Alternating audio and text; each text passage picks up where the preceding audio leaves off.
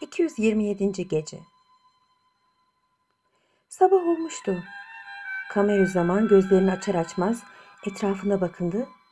Geceleyin yanında gördüğü genç kızı aradı. Bulamayınca çılgın gibi yatağından fırladı. Kapıda duran uşağa sordu. Gece yanında yatan kız nereye gitti? Uşak şehzadenin yüzüne tuhaf tuhaf baktı. Burada kızımız yoktu efendim ben kapıdaydım. Kimsenin içeri girip çıktığını görmedim. Şehzade öfkeyle bağırdı. Yalan söylüyorsun. Sen de mi beni aldatmaya başladın? Yoksa sana öyle mi söyle dediler. Zavallı uşak ne söyleyeceğini şaşırdı. Ses çıkarmadığını gören Kameru zaman onu yakasından tutup havaya kaldırdı ve birdenbire yere attı. Sonra ayağıyla tekmeleyerek hadi söyle kız nereye gitti? Doğrusunu söylemezsen seni gebertirim dedi. Uşak şehzadenin çıldırdığına hükmederek bir bahaneyle yanından savuştu. Doğru hükümdarın yanına gitti.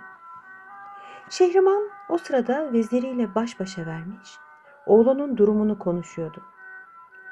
Hükümdar Kamerüzaman'ın kale burcuna hapsedilmesinin kötü neticeler vermesinden korktuğunu söylüyor, vezir de bunun aksini ileri sürüyordu. Hükümdar uşağın telaşla yanlarına geldiğini görünce merakla ne istediğini sordu. Uşak da titreyerek cevap verdi. Şehzade Efendimiz çıldırdı. Bu sabah uyanır uyanmaz dün akşam yanımda yatan kız nerede diye bana çıkıştı. Cevap vermeyince beni ayakları altına alıp dövdü.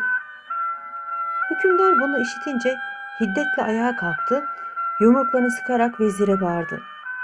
Biricik yavrumun çıldırmasına sen sebep oldun. Böyle tekinsiz yerlerde hapsedilmesini söyledin.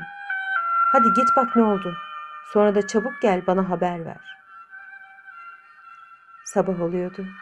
Şehrazat burada masalını kesmek zorunda kaldı. Ertesi akşamda bıraktığı yerden tekrar şöylece anlatmaya başladı.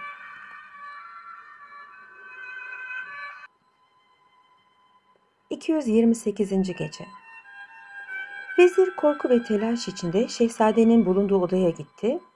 Onu yatağının kenarında düşünceli bir halde görünce yüreği ferahladı. Selamlayarak yanına oturdu.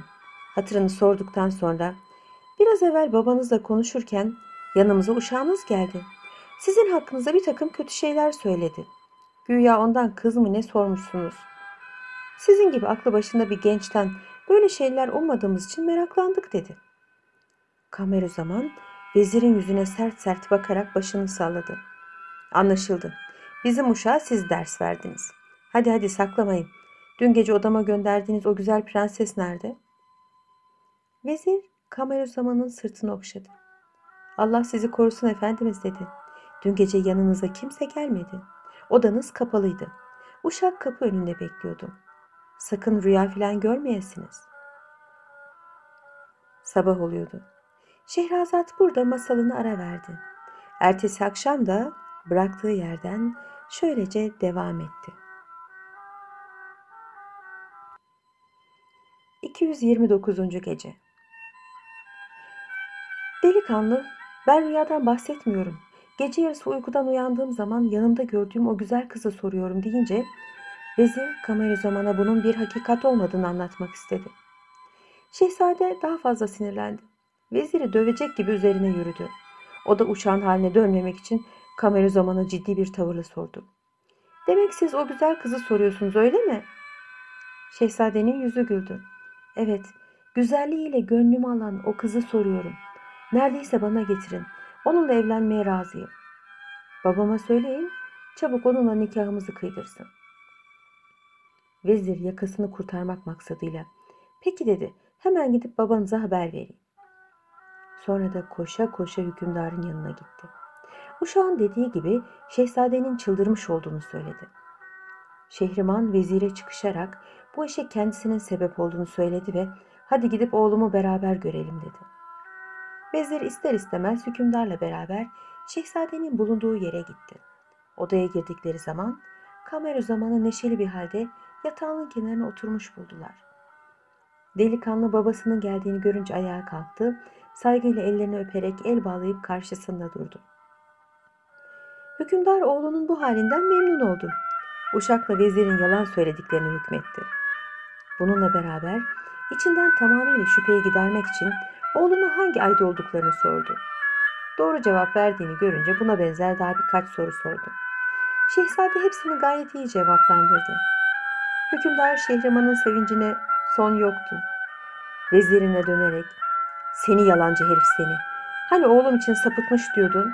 Bak maşallah senden daha akıllı diye çıkıştı. Vezir başıyla kızı sor bakalım der gibi bir işaret yaptı. Sabah oluyordu. Şehrazat burada masalını ara verdi. Ertesi akşam da bıraktığı yerden şöylece anlatmaya devam etti. 230. gece. Bunun üzerine hükümdar oğluna o kız meselesinin aslının ne olduğunu sordu. Şehzade güldü. Babacım siz de mi şaka ediyorsunuz? Artık tahammülüm kalmadı. Rica ederim benimle alay etmeyin. Çünkü şimdiye kadar evlenmeyi reddediyordum. Fakat artık vazgeçtim. Beni dün gece yanıma gönderdiğiniz kızla evlendirmek şartıyla evlenmeye razıyım.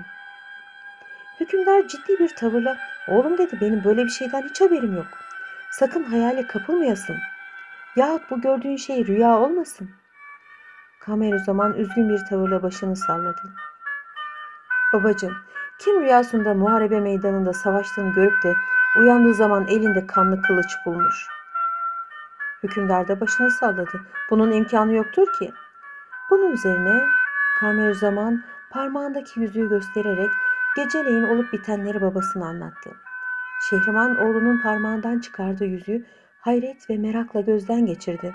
Çok değerli ve ülkesinde eşi bulunmayan bir yüzük olduğunu söyleyerek şehzadeyi avutmaya çalıştı. Sonra da oğlum dedi başına gelen şaşılacak bir iştir. Bunun sırrı çözülünceye kadar sabırlı ol. Sabah oluyordu. Şehrazat burada masalını kesmek zorunda kaldı. Ertesi akşam da bıraktığı yerden yeniden anlatmaya başladı.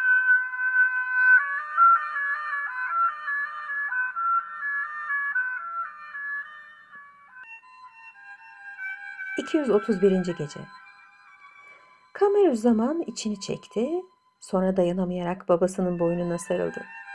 Hüngür hüngür ağlamaya başladı. Bunu gören vezir hükümdara döndü. Artık şehzadeyi bu tekinsiz yerden alınız. Deniz köşkünüze yerleştiriniz. Orada hem canı sıkılmaz hem de size çok yakın olur. Sık sık kendisiyle de görüşürsünüz. Elbet günün birinde bu kız ve yüzük muamması da çözülecektir dedi. Hükümdar bu sözü üzerine veziri affetti ve öğüdünü yerinde bularak hemen dediklerini yaptı. Deniz köşkünün yeniden döşenmesini emretti. Birkaç gün içinde köşkün her şeyi tamam oldu. zaman deniz ortasında bulunan bu güzel ve iç açıcı köşke taşındı.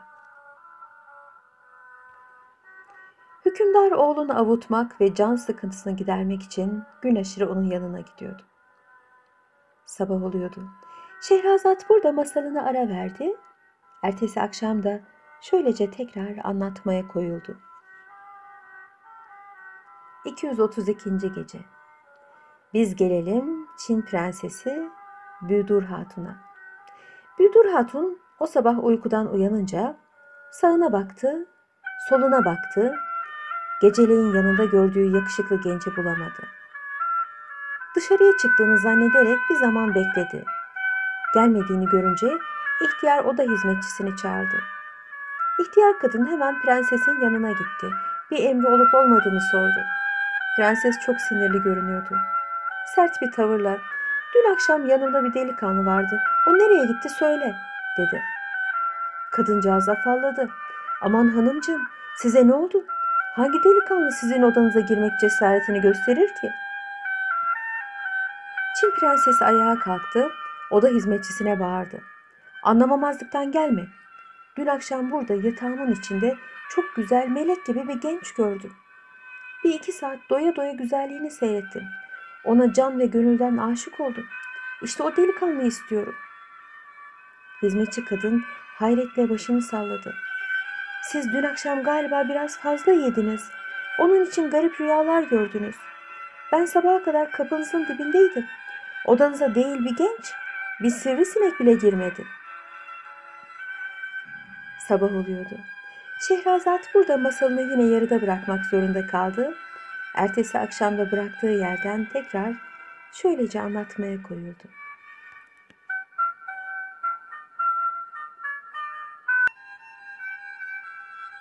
...233. Gece Büdür Hatun'un birdenbire eline bakmak hatırına geldi. Parmağına baktı, gençten aldığı yüzük duruyordu. Onu hizmetçi kadına göstererek bağırdı. İşte bak, bu da yüzüğü. Sonra birden ona tuhaf tuhaf bakıp sözlerine inanmak istemeyen hizmetçinin üzerine atılarak ben aklımı kaybetmedim, yalan da söylemiyorum diye bağırdı. Kendini tutamayarak duvarda asılı duran bir kılıcı alıp zavallı hizmetçinin kafasını uçurdu. Bunu gören uşaklar, cariyeler büyük bir korku ve heyecan içinde hükümdar Gayyur'un yanına koştular. Prensesin oda hizmetçisini öldürdüğünü söylediler. Hükümdar telaş içinde kızının kapandığı saraya gitti. Oda hizmetçisinin yerde kanlar içinde yattığını, Büyüdür Hatun'un sinirli sinirli odada bir aşağı bir yukarı dolaştığını görünce kızını nedir bu hal diye bağırdı. Büyüdür Hatun çılgınca bir kahkaha atarak babacım dedi dün akşam yanımda bir genç vardı. Sabahleyin uyandığım zaman bulamadım. Onu istiyorum, onu istiyorum. Sonra üzerindeki sabahlığı yırtarak tuhaf hareketler yapmaya başladı. Bunu gören Çin hükümdarı kızının delirmiş olduğuna kanaat getirdi. Gözleri yaşla doldu. Uşaklarına onu zincire vurup odasına hapsetmelerini emretti. Ertesi gün ülkesinin her tarafına tellallar çıkararak kızını onu iyi edecek kimseye vereceğini ve kendisini tacına tahtına da ortak edeceğini fakat bu işi başaramayanların da başını vurduracağını ilan etti. Büldür Hatun'u iyi etmek için 40 kişi ortaya çıktı. Fakat hiçbiri kızın derdine derman bulamadı ve hepsinin kafası kesilip sarayın kapısına asıldı. Nihayet hiç kimse bu işe cesaret edemez oldu. Büyüdür Hatun da tam üç sene bir aşk çılgın olarak zincirler içinde kaldı. Sabah oluyordu. Şehrazat burada masalını kesmek zorunda kaldı. Ertesi akşamda bıraktığı yerden alıp şöylece yeniden anlatmaya koyuldu.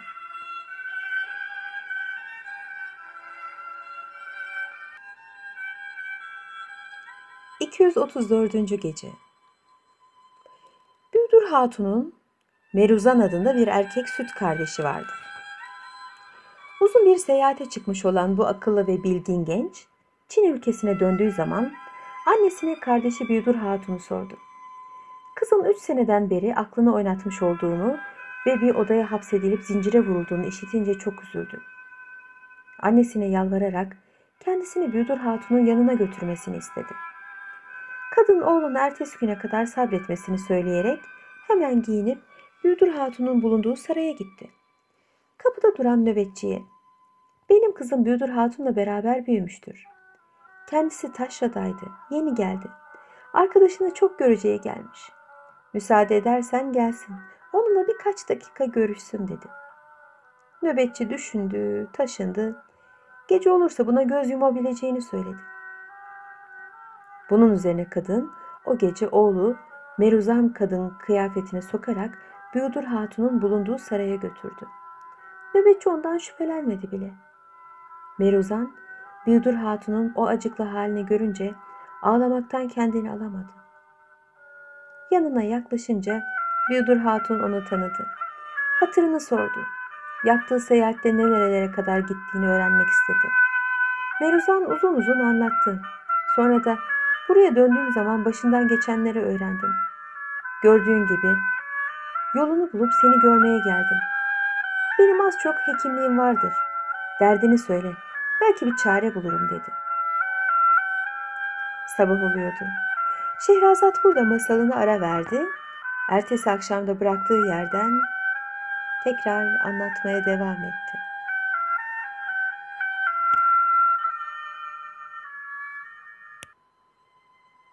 ...235. Gece Büldür Hatun içini çekti. Zannettikleri gibi aklımı oynatmadım diyerek başından geçenleri bir bir anlattı. Sonra yüzüğünü göstererek işte dedi bu yüzük anlattıklarımın bir rüya olmadığını ispat eder. Meruzan başını eğip biraz düşündükten sonra Merak etme kardeşim dedi. Derdine çare bulacağım. Bütün söylediklerine inanıyorum.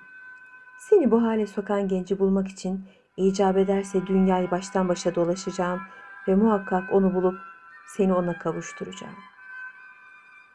Çin prensesi süt kardeşinin bu ilgisine teşekkür etti. Meruzan da yanından ayrılıp evine gitti. Bir iki gün dinlendikten sonra seyahate çıktı. Bir ay şehirden şehre, adadan adaya dolaştı. Nihayet Tayrep adında bir şehre vardı. Bir zamanda orada kalıp gelen geçen tüccarlardan ve gemicilerden bilgi topladı. Nihayet bir gün Halidat adalarının hükümdarı Şehriman'ın oğlu Kamerüzaman'ın Biyodur Hatun gibi hasta yattığını ve ikide bir nöbet geçirdiğini öğrenince gözleri sevinçle parladı. Kendi kendine oraya gidip bu şehzadeyi görmeliyim. Onun haliyle süt kardeşimin hali arasında bir benzerlik görüyorum. Belki aradığım genç odur dedi. Birkaç gün sonra Halidat adalarına yollanan bu tüccar gemisine bindi. Uzun ve yorucu bir yolculuktan sonra gemi ada kıyılarına yaklaştı. Fakat o sırada çıkan bir fırtına geminin kıyıda bulunan büyük bir kaya parçasına çarpmasına sebep oldu. Gemi parçalandı. İçindeki yolcular eşyalarıyla beraber denize döküldüler. Kimi boğuldu, kimi kurtuldu. İyi yüzme bilen Meruzan, suların da yardımıyla yüze yüze Kamerüzaman'ın bulunduğu deniz köşkü taraflarına geldi. Sabah oluyordu. Şehrazat burada masalını ara verdi.